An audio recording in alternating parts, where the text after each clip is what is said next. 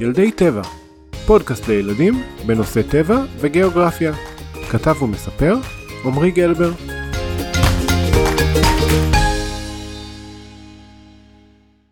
היי hey ילדים, מה שלומכם?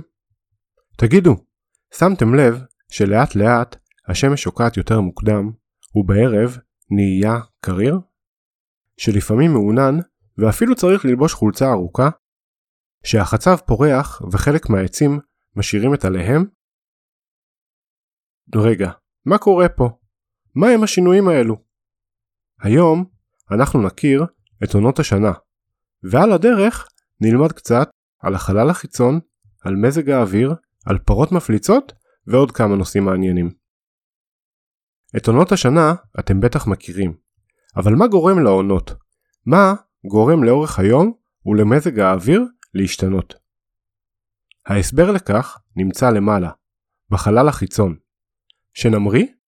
3, 2, 1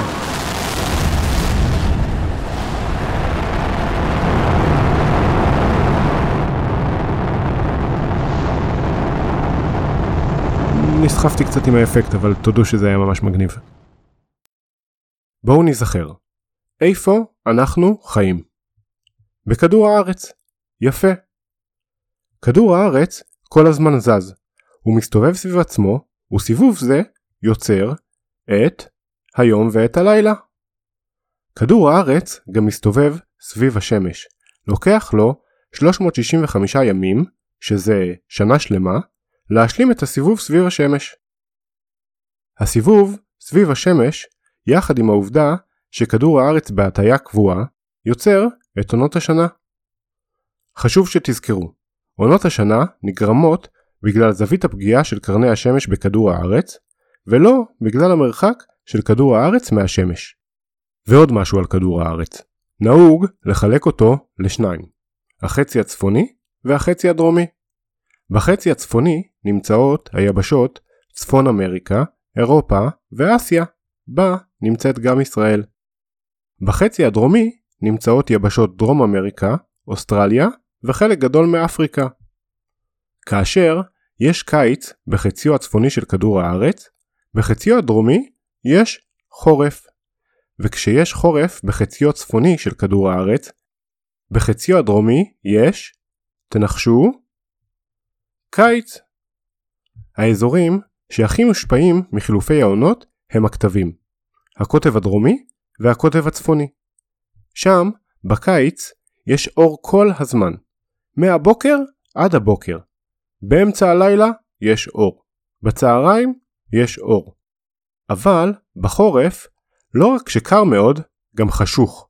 מאוד מאוד חשוך. בצהריים חושך, בבוקר חושך, ובלילה גם חושך. אז ככל שנמצאים קרוב יותר לכתבים, ההבדלים בין אורך היום ואורך הלילה נעשים קיצוניים יותר. לעומת זאת, כאשר מתקרבים למרכז כדור הארץ, סמוך לקו המשווה, אורך היום והלילה זהים. טוב, מספיק עם האסטרופיזיקה, כבר קיבלתי סחרחורת מכל הסיבובים האלה. תלמדו על זה עוד בבית הספר. בואו נכיר קצת את עונות השנה. מוזיקה בבקשה.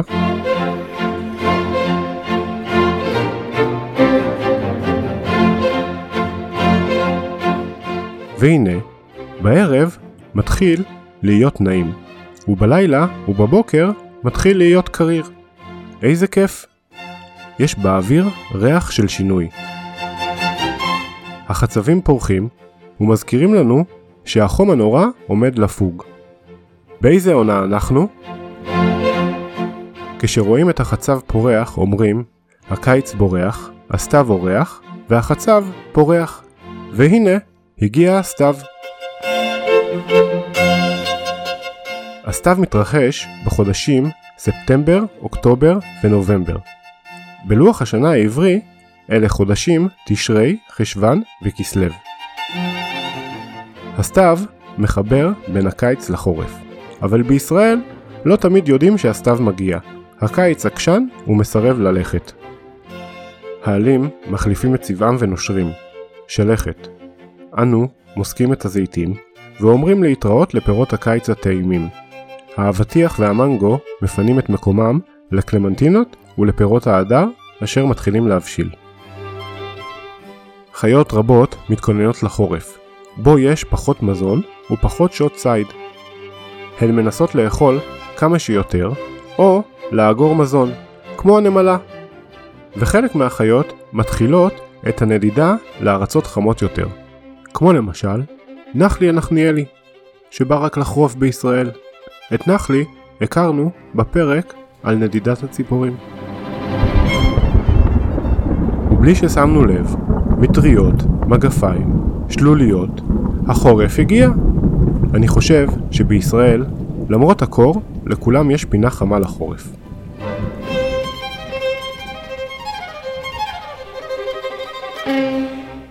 החורף מתרחש בחודשים דצמבר, ינואר ופברואר, ובלוח השנה העברי אלה חודשים טבת, שבט ואדר. החורף בישראל לפעמים קר וגשום, אבל יש בו גם הרבה ימי שמש נעימים שמאפשרים טיולים בטבע הירוק. בדרך כלל, הגשם, יחד עם רוחות חזקות, מגיע בסערות לכמה ימים. ובין הסערות יש הפוגות ארוכות. בישראל יורד בעיקר גשם, ולפעמים ברד. אבל בצפון ישראל, בחרמון הגבוה וברמת הגולן, יורד גם שלג, ואפשר לעשות סקי או סנובורד. ואם אנחנו כבר מדברים על משקעים, הגשם והברד והשלג מכונים משקעים. חשבתם פעם איך הם נוצרים? איך נוצר גשם? איך נוצרים עננים? מחזור המים הוא תהליך מרתק וחשוב, אבל הפרק הזה כבר מלא, ונכיר אותו בפרק קצרצר שיעלה תוך כמה ימים. ופתאום, ההפוגות בין הגשמים גדלות, ומרבדי פרחים מתחילים לכסות את פני האדמה. מזג האוויר נעשה חמים ונעים יותר, והיום מתארך. שערות החורף כבר לא מגיעות, ובמדינות ים תיכוניות כמו ישראל, יש אפילו ימי שרב חמים ויבשים מאוד. האביב בישראל, וברוב חציו הצפוני של כדור הארץ, מתקיים בחודשים מרץ, אפריל ומאי. בלוח השנה העברי אלו חודשים ניסן, אייר וסיוון. האביב מחבר בין החורף לקיץ. האביב היא עונה של התחלות והתחדשות. הטבע מתעורר. ולא סתם, חלק מהטבע ממש מתעורר. למשל, הדובים וחיות נוספות מתעוררים משנת החורף הארוכה, ובממלכת הטבע יש חגיגה. ציפורים רבות מתחילות את נדידת הקיץ שלהן, או את מלאכת הכינון, ויונקים רבים ממליטים צאצאים. במקומות הקרים השלג מפשיר, והנערות גועשים ומלאים בדגים. הכלניות פורחות בשלל צבעים, מרבדי תורמוס סגולים מכסים גבעות שלמות, והעצים מתלבשים בירוק רענן. האדמה לחה, השדות מוריקים, והטבע משתגע. יש יותר פירות ויותר מזון לכולם. גם בני האדם נהנים מהאביב, ומעניקים לו משמעות סמלית של אהבה והתחדשות. בארצות הקרות, הילדים סוף סוף יכולים לצאת החוצה בלי מעילים, והחקלאים נהנים לראות את הגידולים נובטים, מתחזקים וגדלים. האביב, יחד עם הסתיו, הם עונות מעבר. בעונות אלה, מזג האוויר לא יציב, לפעמים קיצי ולפעמים חורפי. בעונות המעבר, לרוב מתרחשות הסערות הגדולות ביותר בעולם, כמו סופות הוריקן וטייפון, אבל אל דאגה, בישראל מזג האוויר יציב וצפוי, ומקסימום יהיה לנו שרב או טפטוף.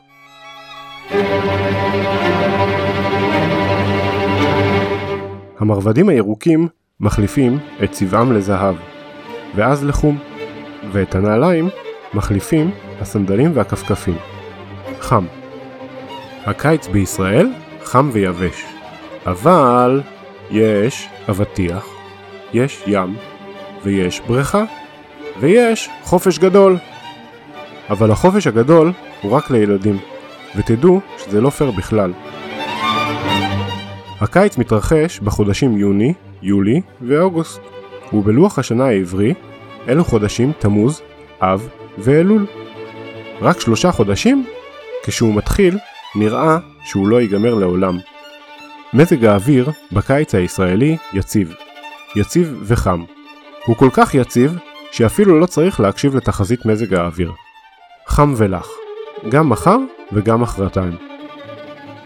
הצמחייה יבשה ומתחילות שרפות, ובשיא הקיץ, בחודשים יולי ואוגוסט, כל כך חם שבקושי אפשר לצאת מהבית.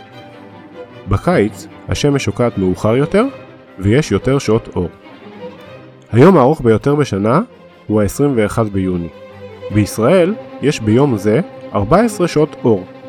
בשוודיה הצפונית, באותו יום, נהנים מ-20 שעות אור. יום חג, וזה באמת יום חג בשוודיה.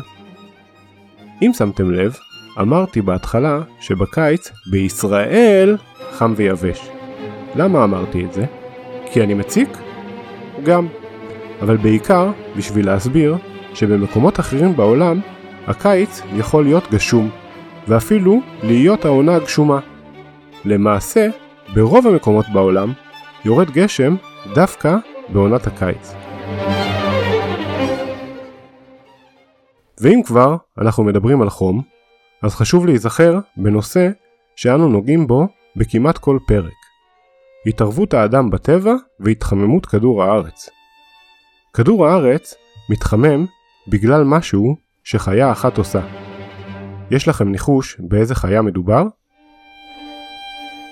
אז uh, לכל ההורים המתחכמים, הפלוצים של הפרות זה בהחלט לא טוב לסביבה, אבל אתם יודעים את התשובה.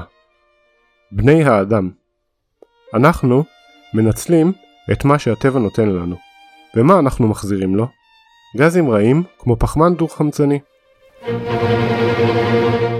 התחממות כדור הארץ גורמת לקרחונים הנקיים להינמס, לפני הים לעלות ולכסות אזורי יבשה, בהם גרים המון בני אדם, בעלי חיים וצמחים, ולשגע לגמרי את מזג האוויר. הקיץ, כמו שאנו מכירים אותו בישראל, יהיה אפילו חם יותר. ובאמיתי, תזכרו, גם אתם ילדים יכולים לעזור לסביבה.